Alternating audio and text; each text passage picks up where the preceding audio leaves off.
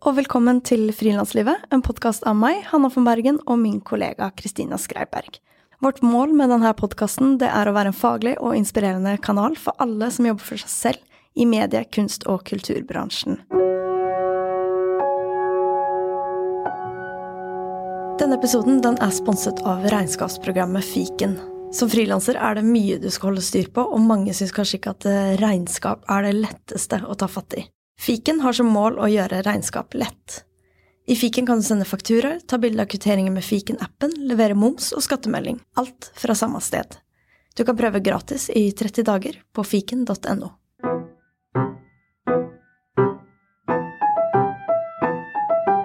I dag så sitter jeg som vanlig på vårt faste produksjonslokale, Spaces. Takk til dere. Og dagens episode skal handle om retorikk. Og med meg til dette har jeg skuespiller og teaterinstruktør Frank Jørstad. Jeg var nemlig en del av et ledelse- og filosofiprogram som gis av Sparebankstiftelsen DNB, som heter Dannelsesprogrammet, som besto av åtte samlinger over et løp på to år. Og en av de samlingene som virkelig satte spor, var kurset om retorikk. Så derfor har jeg invitert Frank, som var med å hoste det her eh, kurset. For som frilanser i kulturbransjen så er retorikk utrolig aktuelt å lære mer om. For alle de som presenterer noe på scenen, men også for de som skal pitche et prosjekt, skrive en søknad eller andre settinger hvor du vil formidle noe du brenner for. Frank han er 49 år, født i Alta og har vært med på filmer som Svidd neger, Mammon og Brødrene Dal. Frank har også lenge jobbet som skuespiller i utallige teaterstykker, annet på Nationaltheatret og Hålogaland teater, og han har jobbet mye som teaterinstruktør. De seneste årene, siden 2015, har han blitt en del av teamet som jobber med lederutvikling i selskapet Prometheus, som er sånn jeg har sett Frank eh, in action. Velkommen, Frank. Veldig hyggelig å ha deg her. Tusen takk. Først og fremst, eh, hva er eh, retorikk? Åh, det er et fint spørsmål. Det er jo mange Jeg tror kanskje man kan si det på flere måter, men jeg tror hvis man kan tenke at man skal overbevise noen andre eh, gjennom å snakke om sakens kjerne og ha gode argumenter rundt det. Og, og det å bruke seg sjøl som troverdighet. Da. Og da kan man klare å få noen til å gjøre noe de ikke hadde tenkt å gjøre, på et tidspunkt de kanskje ikke hadde tenkt å gjøre akkurat det. Ditt forhold til retorikk det er jeg litt nysgjerrig på, for du er jo skuespiller både i teater og film, men du jobber også som teaterinstruktør. Skiller måten du jobber med retorikk seg i de ulike rollene du har? Ja, altså, ikke sant. Det, når du jobber retorikk, så er det jo Du har jo folk som er retorikere, som, og det er jo en egen utdannelse. Så, og, den, og, det er jo et, et, stort og bredt felt. Min inngang til retorikk kommer jo fra scenen. Altså det er rett og slett det å fremføre noe. Og det er jo den, I retorikken så kalles det for aktia. altså Det er rett og slett det å utøve retorikk. så det er en praktisk retorikk. altså Det å faktisk å gjøre det sjøl. Eh, og der kommer jo fra akta kommer jo actor, som er skuespilleren, eller mm. aktor i, i, i, innenfor juss. Rett og slett det å stå og, og, snakke, og det å formidle en fortelling. Og, og, der, eh, og det er jo liksom den utgangspunktet som jeg gjør. At jeg tror til slutt så Altså Du kan nesten tenke deg sånn at, at retorikk handler egentlig som et skihopp. Eh, det er veldig mye som du skal liksom du skal ta på deg utstyret, og du skal uh, gå opp bakken, og du skal ta på deg skiene, og så skal du vente på været, og så setter du deg utafor, og så hopper du. Og alt det her er masse arbeid før du hopper, men du blir målt på lengden og på stilen. Uh, og du kan si uansett hvor mye forberedelser du gjorde, og alt du gjorde alt riktig før, men in the end of the day så blir du målt på det faktiske, det du gjør.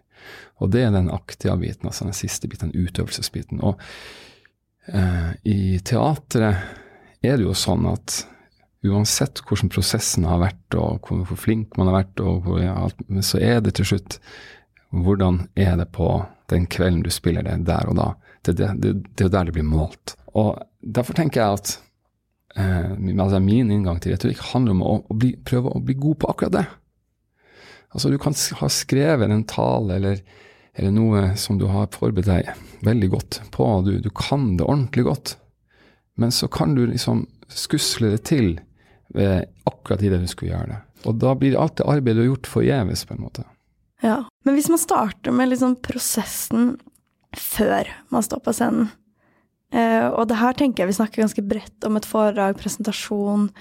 Det kan jo også brukes i en skriftlig tekst. Hvor, hvor er det man på en måte skal begynne? Hva er viktig å tenke på når man setter seg ned og skriver på f.eks. For sitt foredrag?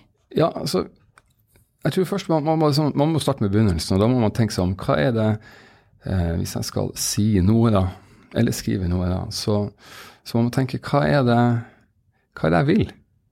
Og så stiller seg det spørsmålet hva er det jeg vil oppnå her? Um, og da eh, prøve å finne ut av det. Og det, for det handler jo egentlig om kompasskurs på hvor man skal hen.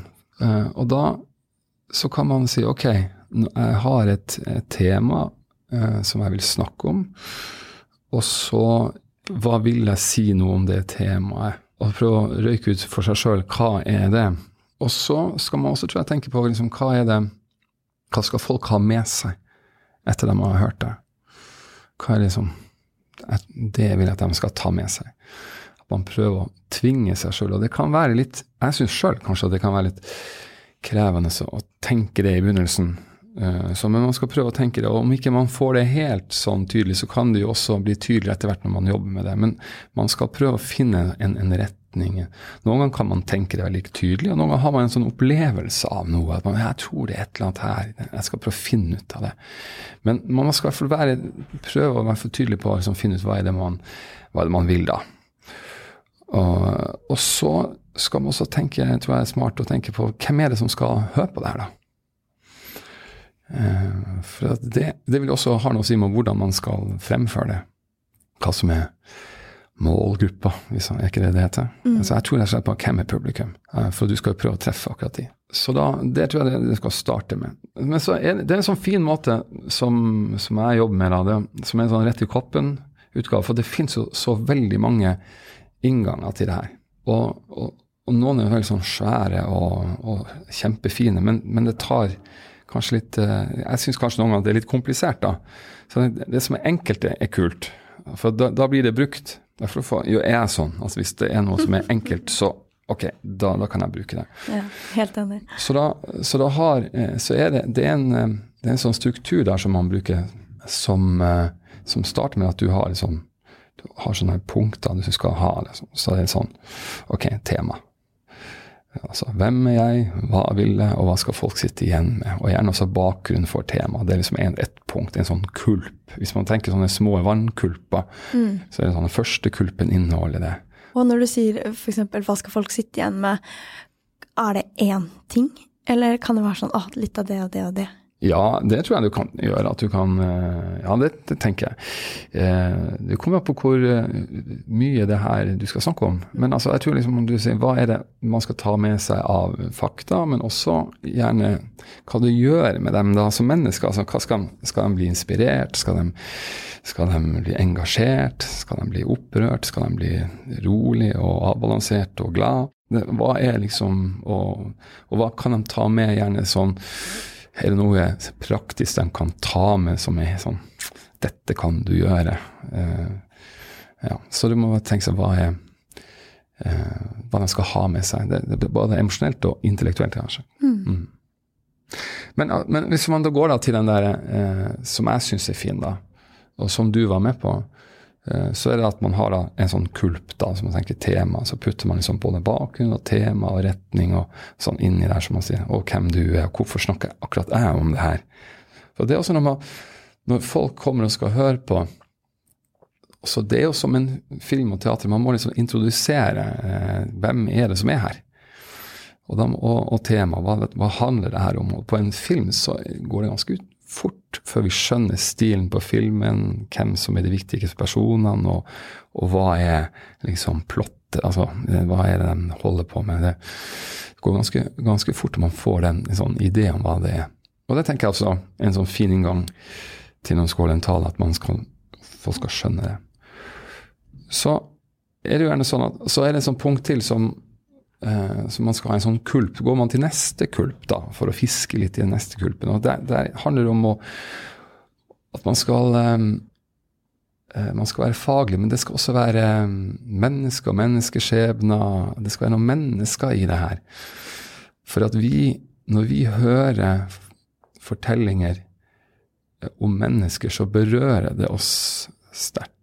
Eller det kan jo være dyr òg, men noe som Men altså, det må, være, det må være noe levende der. Altså Hvis det blir for teknisk, så er man interessert i det faget, så, så, holder det. Men er man utenfor det stammespråket, da, så må man prøve å forstå det. Og da må man forstå det med hodet, men også med hjertet sitt. Så da er det med at det har et sånt menneske i det, å finne Er det noe menneskelig i det? Kan jeg bruke min erfaring, eller kjenne noen som har en erfaring som sier noe om det temaet jeg holder på med, eh, som jeg skal snakke om, mm. eller ikke? Og jeg kan jo skyte inn at jeg var jo med eh, på det her kurset, og jeg lagde da en treminutters tale om frilanslivet og på en måte frilansers kår eh, som ligger ute som episode 35, som vi sendte som en liten nyttårsappell. Så den kan man jo sjekke ut også for å på en måte lete litt etter de her grepene vi snakker nå eh, om, da. Mm. Mm. Ja, så bra. Et eksempel, annet eksempel kan jo være at hvis man, skal, hvis man, skal, snakke om HMS, da, som, er, som veldig mange går gjennom i, i arbeidslivet så man, man skal på HMS-kurs, og så tenker man oi, ja ok, det, ja, det blir skikkelig spennende men hvordan man skal være etterrettelig, da. Uh, og da kan man jo bruke fortelling, så emosjonell som menneskefortelling for å, for å på en måte gjøre det kanskje at man kjenner at jo da, det er viktig å gjøre det på en annen. Mer enn at det, vi vet at det, man må gjøre det. Så er det sånn, for eksempel, hvis man da hvis man sier at eh, det er en liten eh, jente som er veldig glad i pappaen sin, og pappaen jobber på et sted på en oljeplattform eller sånn, og så skulle de, når han kom hjem, så skulle de til Kristiansand på Dyreparken og, og kose seg sånn. Og så fikk de en telefon, og så sa mammaen 'pappa kommer ikke hjem'. Jo, men vi skal jo til Kristiansand. Nei, pappa kommer ikke hjem. For at det skjedde en ulykke på jobb, og han er oppe i himmelen.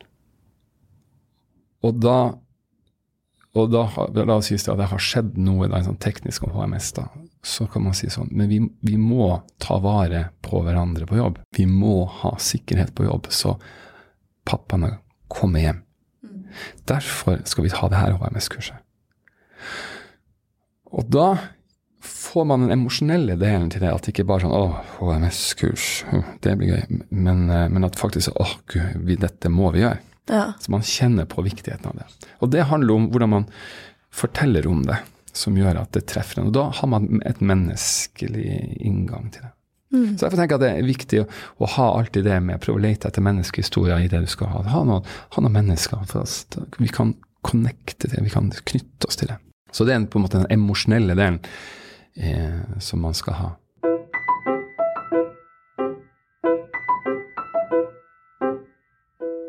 Så hvis man da skal gå og lete noe mer i denne talen, eller noe sånt, så må man gå til en ny kulp på fiske.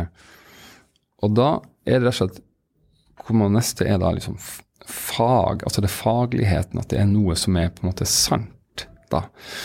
Eh, noe som er sånn eh, Dette eh, Det kan være forskning, det kan være liksom ting man vet er liksom Sånn er det. Eller resultater, hvis du har noen resultater i en bedrift. Sånn, dette har vi faktisk gjort. Eller, ja, sånn at du kan vise til sånn. Her, dette er hardcore. Og det tror jeg er viktig, for det er sånn at det ikke bare blir en sånn prat, men at det må være noe sånn ordentlig i det. Så, så det skal man også ha, ha med seg og gjerne er det jo sånn at vi i Norge er jo veldig sånn Den kulpen er veldig stor, det er ikke en kulp. Det er liksom et, et svært vann. Et hav. Et hav, ikke sant. Så, man, så der er når man må, man begrense seg og finne hva er det viktigste, og hva er de fineste tingene for akkurat nå, for de som hører på nå. Så man gjør det. Så når man har fått alle de fiskene opp fra den kulpen, så går man til neste kulp. da, og da, den, Det handler om liksom å prøve å gi det mening og betydning, eh, de de resultatene. Da. For at det kan jo være at, at, for mange så sier man OK, resultat, ja, men hva, hva, hva, betyr det for meg, da? Eller for oss? Og så må du klare å løfte det opp. Og, må, og da kommer de inn og, og å, løfte ting opp og si jo, det her betyr det, det har stor betydning for oss og for Norge. Altså prøve å gi den en stor betydning, de resultatene. For da gir det mening. Så OK, jeg skjønner. Kult. For da har du hatt et sånt tema, du har hatt mennesker der, du har hatt fag, forskning, og så løftes opp til betydning. Så begynner du liksom å kjenne at dette her er jo dette her er spennende, da. Så når du har løfta opp betydninga der, så er du ikke ferdig enda. Så da må du gå til å finne det neste lille vannet eller kulpen, og, og da er det å si sånn Ok, men eh, er vi i mål nå med dette her? Og det er man jo aldri. Altså, da må det være sånn at man, at man sier ok, dette må vi gjøre. Hva er det som de stegene som må gjøres nå for at vi skal komme dit vi egentlig vil? Eh, og da, da, er det sånn så ok, vi må, vi må gjøre Og da er det gjerne sånn Retorikken og dramaturgien er jo glad i tre ting. Alt som er tre 14 grep nå. Ja, ja, 14 grep. Husker ingen. Men hvis man tar tre, tre viktigste tingene, og da er det gjerne sånn at man tar den hvis man har tre ting, så er, det, så er de jo gradert på hvor kule de er. Så den nest kuleste bruker jeg å si det først. Den kjedeligste i midten, og den beste til sist. Sånn at den får en sånn dramaturgisk den får en, en, sånn kickstart, og så er det den i midten, og så kommer bang, den virkelige som slår. Den tar du sist. For da å si sånn ok, nå har folk vært med på, på tema, på mennesker, og på forskning, og på betydning og meninger med det, og så er det sånn, men vi må gjøre noe, ok, og så er det de tre tingene må vi gjøre.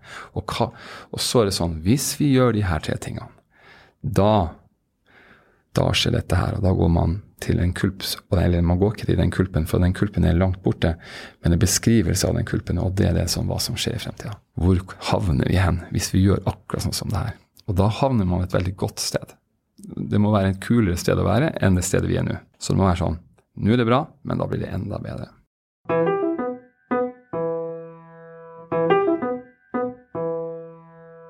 Hva er den mest misforståtte taktikken når man skal skrive et foredrag? Hvor skjer det mest feil i prosessen? At man har med for mye, tenker jeg. At man Altså, vi er jo kunst, vi er et kunnskapssamfunn, og folk er, kan veldig mye. Og, og man tror at eh, folk husker mer enn de husker. Så vi husker utrolig lite, egentlig. Det er jo sånn at eh, holder du et foredrag Hvis du tenker vi har hørt et foredrag, så, så tenker den som snakker om det, jeg må ha med alt det her. Sånn, da, da, er det bra. Og Så går folk, og så husker man én ting eller to, kanskje tre ting.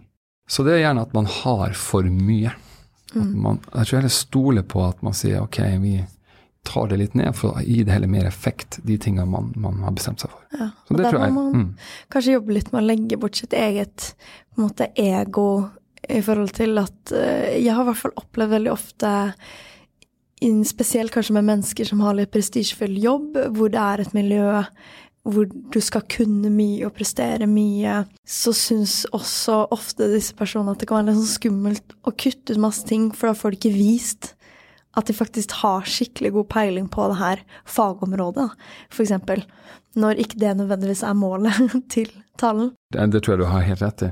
Jeg husker en gang for ganske mange år siden så hadde jeg et sånt radio programhjørne i i en sånn kommersiell kanal som heter Kanal 24. Den, den, er, den finnes ikke lenger. Men da, da, hadde jeg et sånt hjørne som, heter, som var om samisk, eh, samisk samfunn. Som, og da het den 'Hva gjør samene når de ikke joiker? De snakker med Frank'. ja, i alle fall. Så var min, men jeg, det som var tanken, var at jeg, jeg, skulle da ringe rundt og intervjue folk i samisk samfunn og kunst og kultur for å på en måte øke dannelsen i den norske befolkninga for å lære seg mer om samisk kultur. Og det her var en kommersiell kanal. Og det er jo folk som sitter og kjører, kjører bil og hører på radio. Det er, sånn, det er jo ikke P2. Eh, og da ringte jeg en professor eh, i et, et samisk tema, eh, og skulle, han skulle da snakke da her på to minutter om det, to-tre minutter. Og, og det, Han ville gjerne snakke om det temaet, men han brukte da 30 minutter på å si hva det ikke handler om. Og så brukte han da eh, 20 minutter hva det handla om. Uh, og, så, og, så, og, så, sa han takk Ja, det var hans svar. Uh, og det kunne jeg wow. ikke bruke. Nei, nei. For det var tre minutter. ikke sant? Og, og, så var han opptatt av hvem er det som hører på det, så sa jeg hvem målgruppa er. Men han snakka jo ikke til dem. Han snakka til sine kollegaer. Eh, og, og, og, jeg kan skjønne at han ville han kan ikke bli tatt på faglighet. ikke sant? Men, men da, da, var, Så han snakka til andre professorer. Mens egentlig skal man snakke til sånn som oss. da. Men, så, han, eh, så det kunne jeg ikke bruke. Selv om han var fantastisk kunnskapsrik, så klarte han ikke å naile ned til det som er. Det tror jeg er ganske vanlig. Og veldig menneskelig og forsvarlig. Er det noen andre feil øh, folk Er det noe kupp... Hva, skulp, hva kalte du det? Kulp. Kulp? Ja. vet du hva en kulp er? Ja, jeg vet hva det er. Bare, jeg skylder på at jeg er svensk, og lettere språkforvirra. Men øh, er det noen andre, andre kulper som folk tråkker i, som på en måte ikke er det riktige? Eller, ja, eller um, jeg tenker Den neste ting som, uh, som går igjen, det er at man uh, ikke øver. At man uh, skriver det, og så, så no, i det printeren har funka og talen har kommet ut, eller det man sier, og så tenker man eller, så åh, sånn, der, heldigvis. Og da er klokka kanskje to på natta, og man skal gjøre det på morgenen, og tenker ja, nå er jeg ferdig, er så bra, nå kan jeg gå og legge meg. Men da, fra en sånn skuespiller- og teaterperspektiv, så har du bare manuset. Og vi bruker jo åtte uker på å øve på det manuset. Ikke sant? Så da, eh, og- det å øve på den, og, og drille den, det, det er den store forskjellen. Hvor det du faktisk gjør, eh, har skrevet, kommer til rett, og kanskje blir enda kulere. Altså at du kan få den virkelig til å skinne. Så på mange måter så er det det med å øve, den, det syns vi er litt sånn vanskelig. Men mange syns det er vanskelig. Hvordan skal jeg øve? da? Skal jeg stå foran speilet? Det syns jeg er rart. Jeg står aldri foran speilet, f.eks. Jeg syns det blir helt ko-ko å stå foran speilet og øve. Så det må liksom å øve for liksom å For det skjer noe mentale fra du har skrevet den, til altså det ligger som et ark på bordet, og du leser den, til at du faktisk lager lyd. At det kommer ut av eh, munnen. Så skjer det noe. Og det skjer veldig mye der. Og, der, da, og da plutselig kjenner man liksom Å, dette forstår jeg når jeg snakker, og nå skjønner jeg ikke hva jeg snakker om. Altså det, det blir veldig sånn tydelig på når tanken er klar, når tanken er uklar, når du begynner å snakke. Så derfor er det å få snakka gjennom det om igjen, om igjen, om igjen, om igjen. Da, eh, da nærmer du deg, eh, tenker jeg, eh, at det skal bli ordentlig fint da. Og da har man gjort det sånn at det oppleves som at du er en sånn bitte liten klinkekule. Talen er bare sånn Å, jeg kan stå på hodet og gjøre det. Da har du Da blir du ikke så nervøs, for da har du øvd. Og så får du kapasitet til å bry deg om dem du snakker til, og du, du, du blir mer til stede. Så, så det hvis man da ikke har øvd, som å sjonglere med sånne svære badeballer og bare, Oi, blir så, alt blir så veldig mye. Men får du øvd, så blir ting enklere. Og en tale uten manus er jo utrolig mye mer slående og på en måte effektfull enn om å skulle fortalt den historien som du fortalte i stad, ved å se ned på arket og lese den opp. Ja, da, og da kommer du til eh, den, det neste, det å da Og hvis du Det er veldig få ganger hvor det må være så presist det du sier, at du må stå med et, eh, en ark eller en sånn tekst og bare si det akkurat som det er. Noen ganger er det sånn, men for oss aller fleste så trenger vi ikke det. Og da er det sånn at det som kommer på en måte fra deg sjøl uten støtte, det blir vi kjenner vi er mer ekte.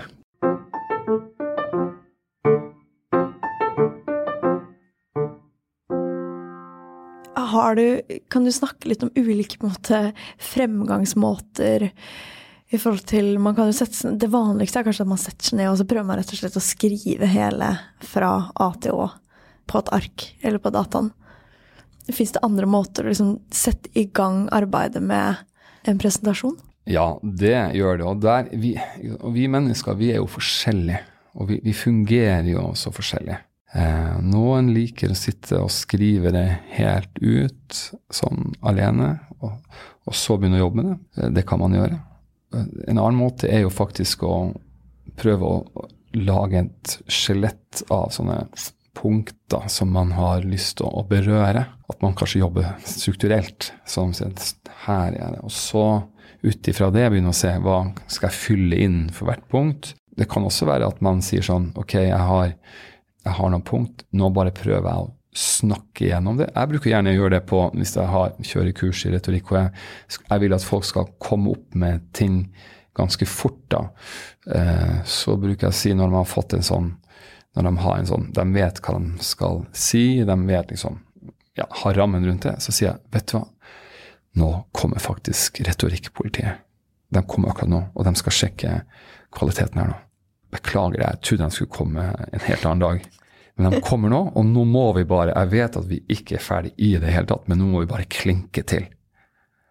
Og så er det jo tull, selvfølgelig, eh, men det er på en måte en slags sånn Ok, hvis det begynte å brenne nå, hvis du måtte gjøre det nå, og så bare gjør du det, så gjør man det, og da skjer det noe.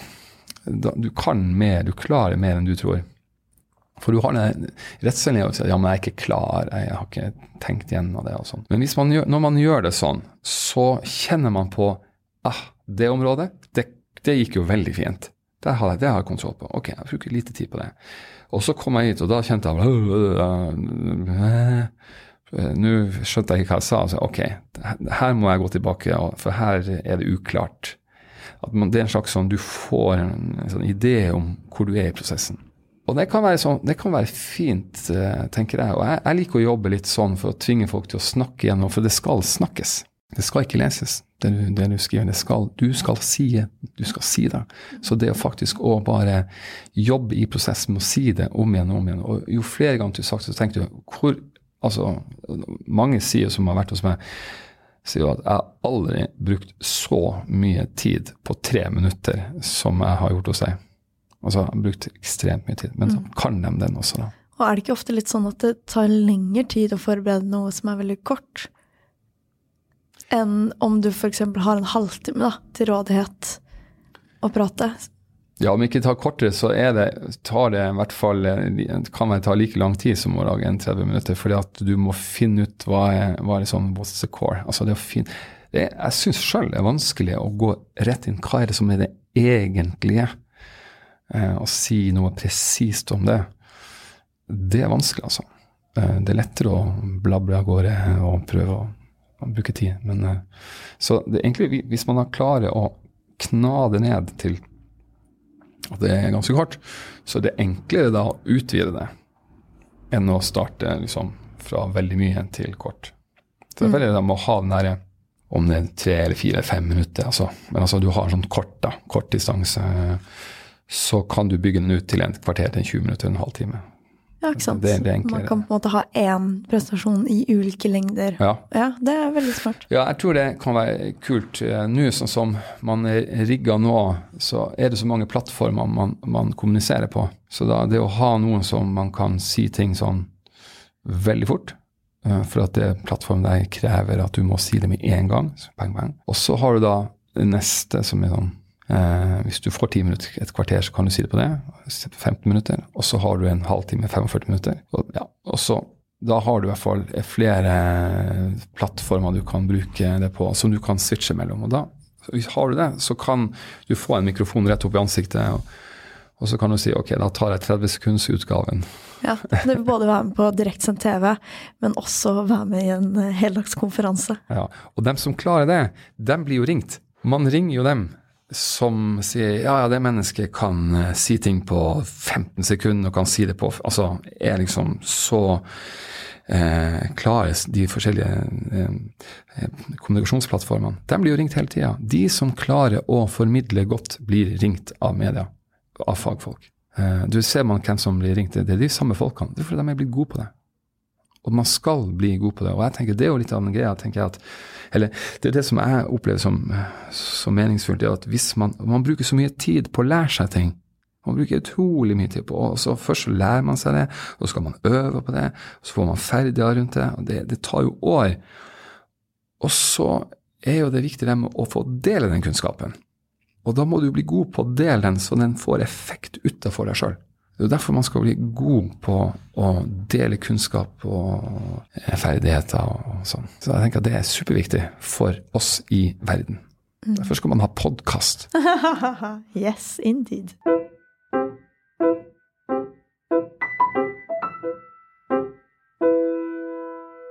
Jeg har en tvillingbror som heter Aksel, som eh, tidligere absolutt ikke har vært miljøengasjert, og nå blitt utrolig miljøengasjert de siste årene. Og han arrangerte en klimademonstrasjon eh, som heter Klimabrølet for en liten stund siden. Hvor eh, han Det første liksom, prosjektet han har gjort, han skulle legge ut en post på sosiale medier og prøve å oppfordre alle han kjenner i Fredrikstad, til å bli med da, på det her.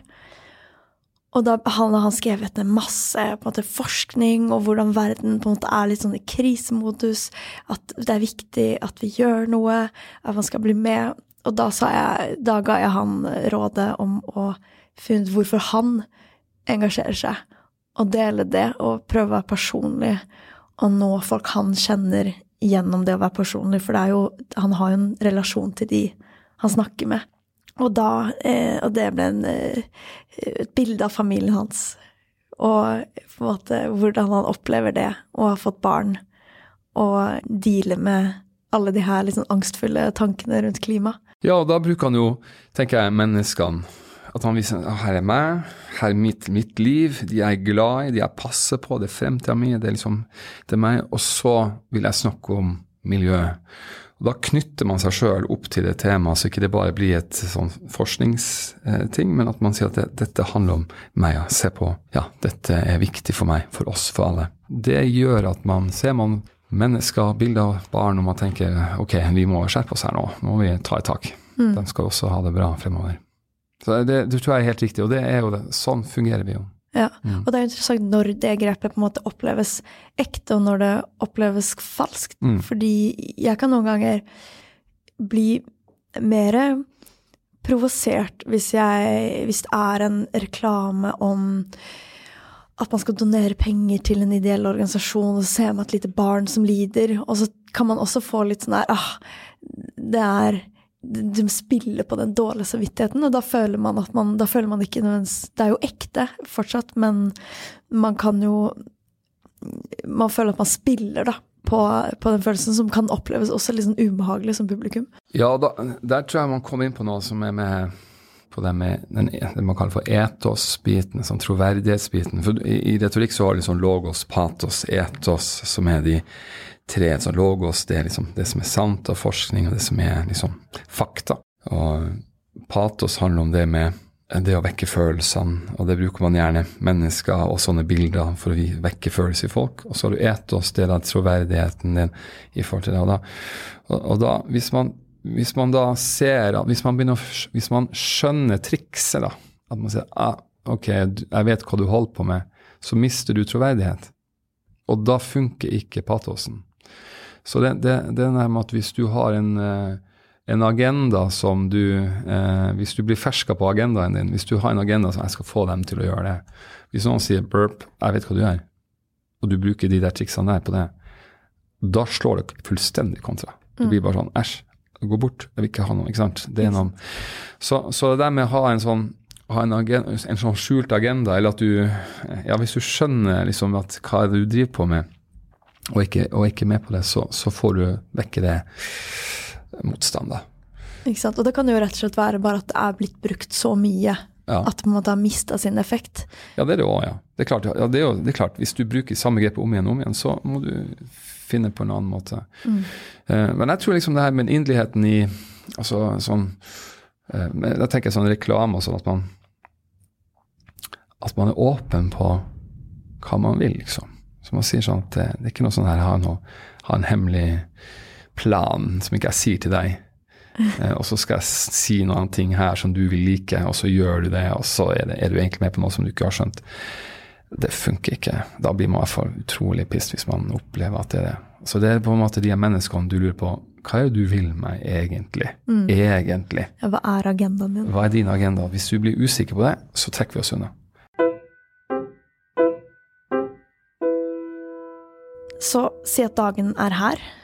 Man skal opp på scenen. Man har øvd. Man har, man har jobbet med innholdet. Man har forhåpentligvis lært det utenat. Kanskje man har noen små stikkord, og det sitter i kroppen. Men så kjenner man at man blir utrolig nervøs. Og eh, begynner å tenke 'Å, hva var det? Hva skulle jeg begynne med? Hva, kom, hva kommer etter?' Og man får den her liksom skjelvende. Stemmen, stemmen kommer liksom den sitter ikke i magen, den sitter liksom oppe her i halsen og er litt sånn åh, hva, eh, Hvordan kan man jobbe med det? Ja, den, eh, det er jo he, for, for, det første, sånn, det, du beskriver det veldig godt. For det er jo den kroppslige, altså kroppslige følelsen av nervøsitet. Og vi alle sammen blir nervøse. Altså, mer eller mindre blir alle sammen nervøse. Nervøsitet er energi. Eh, vi, det, man, for det første er det, det første svaret på det, hva gjør du? Det er å akseptere at det er sånn. Og, og den andre er å si det er sånn det skal være. Det er en del av det. At man blir nervøs. Og det handler om det her aksept. Jeg er, også, jeg er opptatt av det her med å akseptere eh, at ting er som det er. Og grunnen til det, det er at uh, for at det, er gjerne en sånn forskjell fra hva man ønsker det skulle være, til hvordan det er. Og hvis man er hele tida på dette ønsket er sånn, det skal være så fantastisk, fantastisk, og så stiller man opp, og så er man bare Får man ikke til.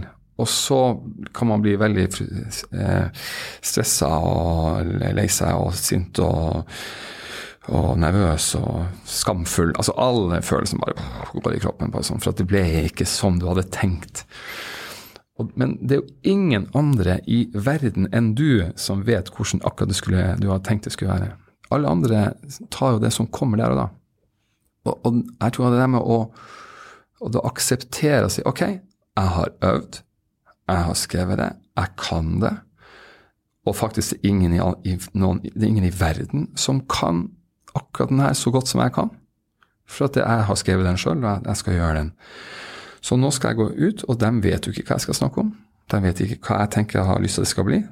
Eh, og nå skal jeg gå inn, ut, og så skal jeg ta vare på dem, og så skal jeg fortelle dem det.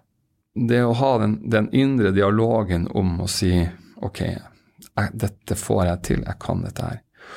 Og så er den her Hvis det er aksept, eh, aksepter hvordan det er, og, og, og så kommer jeg med å være opptatt av andre enn seg sjøl.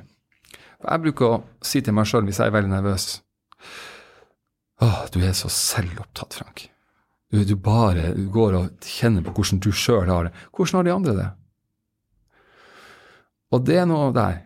Det er at nervøsitet Hvis du går inn i deg sjøl hele tida, så blir du mer nervøs. Men hvis du er opptatt av noen andre enn deg sjøl, så demper nervøsiteten seg. Og det, derfor gjør i hvert fall jeg Eh, hvis jeg er veldig nervøs, så tenker jeg sånn Det er ikke noe å hente å være hos Frank. For hos Frank er det bare nervøs og kaos og redsel og nervøsitet. Da tror jeg jeg skal heller gå, gå og prate med noen andre. Sånn hei, sånn. Og, og, prøve å fokusere på noen andre. Og hvis ikke det er noen andre der, så kan jeg ta en sånn, sånn eh, da kan jeg ta en sånn en kopp, f.eks. Så ser jeg på den koppen. Jøss, det her var en kopp. Holder jeg den koppen. Oi, den var jo hvit. Hva er laga den? Er det porselen? Hvem som har produsert den? Og så kan jeg liksom tvinge meg sjøl til å være veldig opptatt av noe annet. Eh, enn Flytte fokuset? Flytt fokuset bort fra seg selv. For idet man glemmer seg selv, så er man nærmest lykke. Lykken er jo å glemme seg selv, tenker jeg. Å være opptatt av noen andre eller noe annet. Da roer det seg mer ned. Eh, og da er du i stand til liksom å, å, være noe for noen andre. For det handler jo om det med å være nervøs, nervøs at du blir så opptatt av hvordan du sjøl har det. At du liksom Nei, men vær nå noe for noen andre. Ta vare på dem. Gå ut. Så jeg tenker når du går opp på en scene, så opplever man at folk ser på deg. Og det er jo helt riktig. Folk ser deg og hører deg. Men man skal prøve jeg prøver mentalt å snu den der og si at jeg står her, for da ser jeg alle sammen. For at idet folk ser deg, så ser du dem. Så det vil si, da står det på et punkt hvor du kan se alle som er der. Så kan man si jeg steller meg her, for da ser jeg dere alle sammen. For jeg skal ta vare på dere, så skal jeg snakke med dere. For ja, jeg ser deg som er tilbake der. og sånn. Så du snur denne situasjonen fra å bli sett på, som kan være ganske sånn å, nå jeg blir sett på. Det kan bli litt sånn slitsomt. Istedenfor å si tenke jeg står her, for da kan jeg se dere. Da har du snudd bordet og så er det du som har kontroll. Så det er også en slags sånn mental tanke på liksom, å vri situasjonen. At ikke man skal stå til rette for noen. For det er på mange måter en slags sånn Hvem eier rommet når du går inn? Og gjerne når man er nervøs, så tenker man ja, det er i hvert fall ikke jeg. det må være noen andre som eier den.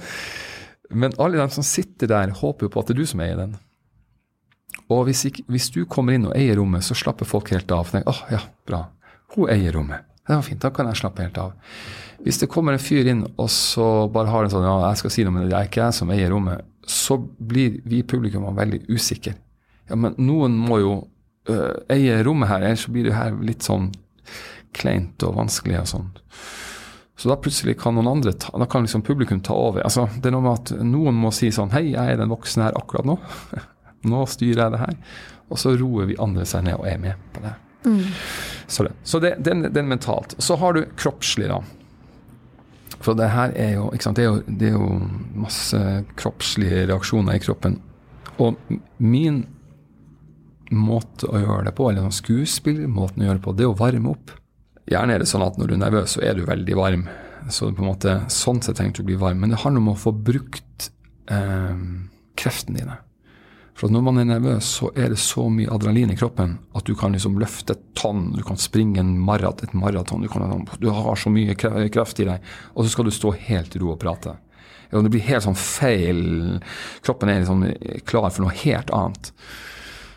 Og, og da har jeg erfaring med, og jeg bruker det, da Jeg kan rett og slett på bak, før jeg går inn, ta masse armhevinger, f.eks bare, eller spensthopp, altså bare mm. slite meg sjøl ut. Ikke sant? At jeg blir helt sånn, Og gjerne hvis jeg vet at jeg kommer til å synes det er skummelt, så tidligere på dagen, eller hvis jeg har muligheten, eller dagen før, så trener jeg hardt, så er jeg egentlig litt sliten i kroppen. For når kroppen blir sliten, så gidder den ikke å være så nervøs.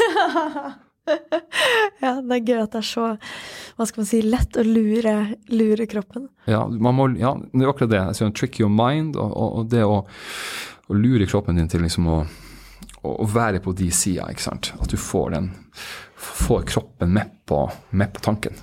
Mm. Så, eh, så, har du en kropp som på en måte er, er litt Hvis du vet du blir nervøs, er litt sliten, eh, og du har liksom mentalt snudd bordet, at det, du ser dem, eh, så er det også gjerne sånn at det er jo akkurat i begynnelsen man er mest nervøs i veldig mange Jeg har det sånn, og veldig mange sier det at liksom Ja, jeg var, jeg var, litt nervøs i begynnelsen, men så kom jeg inn i det. Og så gikk det greit. Og det handler jo rett og slett om at du idet du begynner å snakke, så skaper du en verden du skal snakke om. Og idet du trer inn i den verden, så blir det trygt, for den kan du. du men før du skal inn i den verden, det er jo akkurat da du er i en slags sånn eksistensielt mørke foran hei, nå går jeg, og så skal du starte. Så da er det man, og så begynner, så starter du, og så etter hvert så går du inn i historien, og publikum er med på det, og så flyter det av gårde. Og da er, mener jeg, og det å øve på de første 30 sekundene, at du virkelig kan det skikkelig godt, at det, det kan jeg i hvert fall godt, så vet du at jeg kan liksom bruke de 30 første sekundene på å komme skikkelig inn i det, for det har jeg drilla og drilla og drilla. For så å gå inn i konsentrasjon og inn i fortellinga av historien, for da plutselig glemmer du deg sjøl. Og så er du med historien din og med de folkene, og så blir det et godt sted å være. Mm, det er smart. Ja, i hvert fall eh, eh, Jeg tror det er en, måte å, å, gjøre det på hvordan det skal være at du skal få en fin opplevelse. For har du en fin opplevelse, så er det stor sannsynlighet for alle andre i rommet også har det fint. Vi gjorde jo øvelse på dette kurset med deg med noen følelseskort som jeg, eh, var helt nytt for meg, og som jeg syntes var veldig interessant. Kan ikke du fortelle litt om eh, hva den øvelsen består av? Ja, Øvelsen består av at man har sånne kort med følelser. og Det kan være sinne, frustrasjon, det kan være glede, det kan være sånn, emosjoner. Og så skal du putte den emosjonen inn i din tale, selv om den ikke passer inn. Men at du rett og slett tar og så Nå skal jeg gjøre den Jeg skal gjøre den kjempesint. Og så skal jeg gjøre den veldig trist. Eller så skal jeg gjøre den kjempeglad. At, at du tvinger deg inn i forskjellige følelser for liksom å, å eh, eh, altså emosjonelt putte deg i forskjellige båser da, og se hva som skjer med teksten og med deg og med folkene rundt. Og så, så det, det handler om liksom å, å, å altså, en bevissthet på at hvordan du har det, påvirker teksten. Hvordan du sjøl har det, påvirker den, det du kommer til å si. Så, ja, så du, er du glad, og du går inn og er glad, så, så farger det det du sier. Mm. Og så er det sånn at du kan tenke deg at uh, enhver situasjon krever en, en, noe av deg. Så hvis du skal si noe som sier dette krever noe helt spesielt emosjonelt i meg, så må du prøve å få hente det i deg, for å hente det fram. Mm. Uh, og, der, uh, og, noen ganger så kan det være i en tale i et bryllup, som du sier. Sånn, da, uh, da, skal det hente noe i deg, og så kan det være noen følelser som kan ta over. Men da må du si ok, jeg må hente en følelse, den skal jeg ha med meg. Så ankre meg i den. Det, det, er det ene. Det er det ene slags sånn for å finne ut hva, hva, hva kraft skal du putte inn i den teksten når du gjør det. Det andre er at vi har jo sånne favorittfølelser vi, vi, vi vi går til, da. Altså, hva er liksom Hva er, eh, hva er det jeg ofte bruker, da? Altså, som jeg, og blir bevisst på hvilken sånn Hva kommer jeg inn med, da? Av eh, emosjoner som jeg ikke tenker på når jeg gjør det. Og det å også bare diskutere, liksom, finne hva er det jo hvis en i gruppa liksom, OK, jeg ser at du har det. altså man begynner, OK, er det det jeg har? Ok, altså Man begynner å forstå seg sjøl, da. Og så det å eh, Så man sier at dette liker jeg å bruke, og dette syns jeg er vanskelig å hente fram. Men kanskje jeg skal øve på å hente den delen fram eh, i meg. For en tekst kan eh, En tekst kan eh, trenge noe emosjonelt fra deg som du må hente fram. Og da er det liksom å ha begynt å jobbe med det, for, å, for det første å skjønne det og, og akseptere sånn er det. Og så begynne å hente det fram, så, så gjør det noe med den teksten du gjør der og da. Mm. Jeg syns det var veldig eh, givende med den øvelsen å faktisk teste ut følelser som jeg ikke trodde skulle passe inn i presentasjonen. Og ja, det kunne være sinne og provokasjon eller eh, tristhet eller glede. Det kunne vært veldig sånn vidt spenn. Og så faktisk bruke elementer fra det For du kan jo være utrolig glad og gira og inspirerende, men så kan du bruke liksom sinne og tristhet inn i eh, samme presentasjon, og ikke bare har den samme følelsen gjennom hele, mm. fra start til slutt. Så det føltes utrolig sånn kleint ut når vi gjorde det her. Um, vanskelig ting å øve på.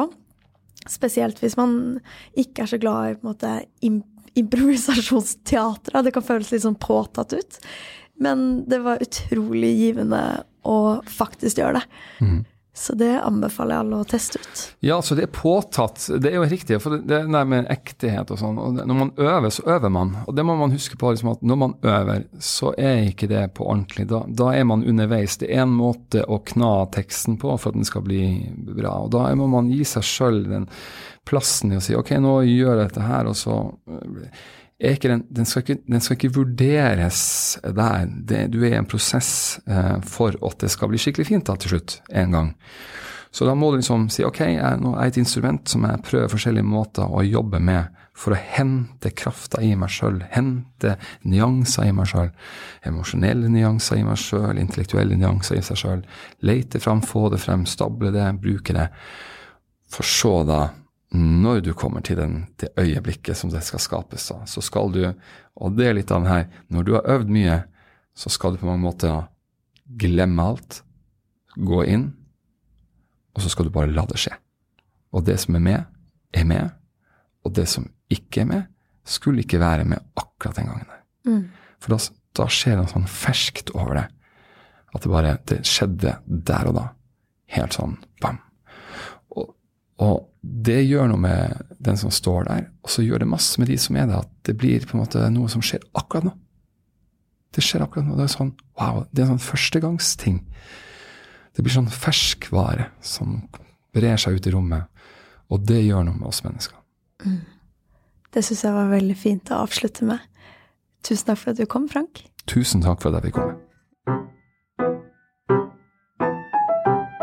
Håper du har eh, likt innholdet du har hørt på. Eh, hvis du har det, så gå veldig gjerne inn på iTunes og gi en liten tilbakemelding og gi en liten rating. Og spre gjerne ordet til en frilansvenn eller to. Så kan vi fortsette å lage frilanslivet og forhåpentligvis gi deg mye godt frilanssnadder fremover.